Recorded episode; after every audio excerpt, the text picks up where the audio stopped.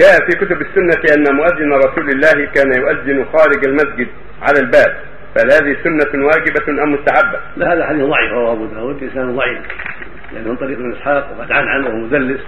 حديثه ضعيف إذا دلس وليس بثابت. نعم. وضعت بعضا من السنة الأذان على محل مرتفع السنة أن يكون الأذان على محل مرتفع كما كان إذا يؤذن على سطح السنة أن يكون الأذان على محل مرتفع حتى يكون أندى للصوت وإذا كانت منارة كما صنع الناس المنارات فهو أندى والآن جاءت المكبرات هذه فاكتفى بها الناس لأن صوتها لأن تكبير الصوت يبلغ الناس من بعيد. فلهذا اكتفى بعضهم بها عن الصعود المنارة لا من هذه المنارة. نعم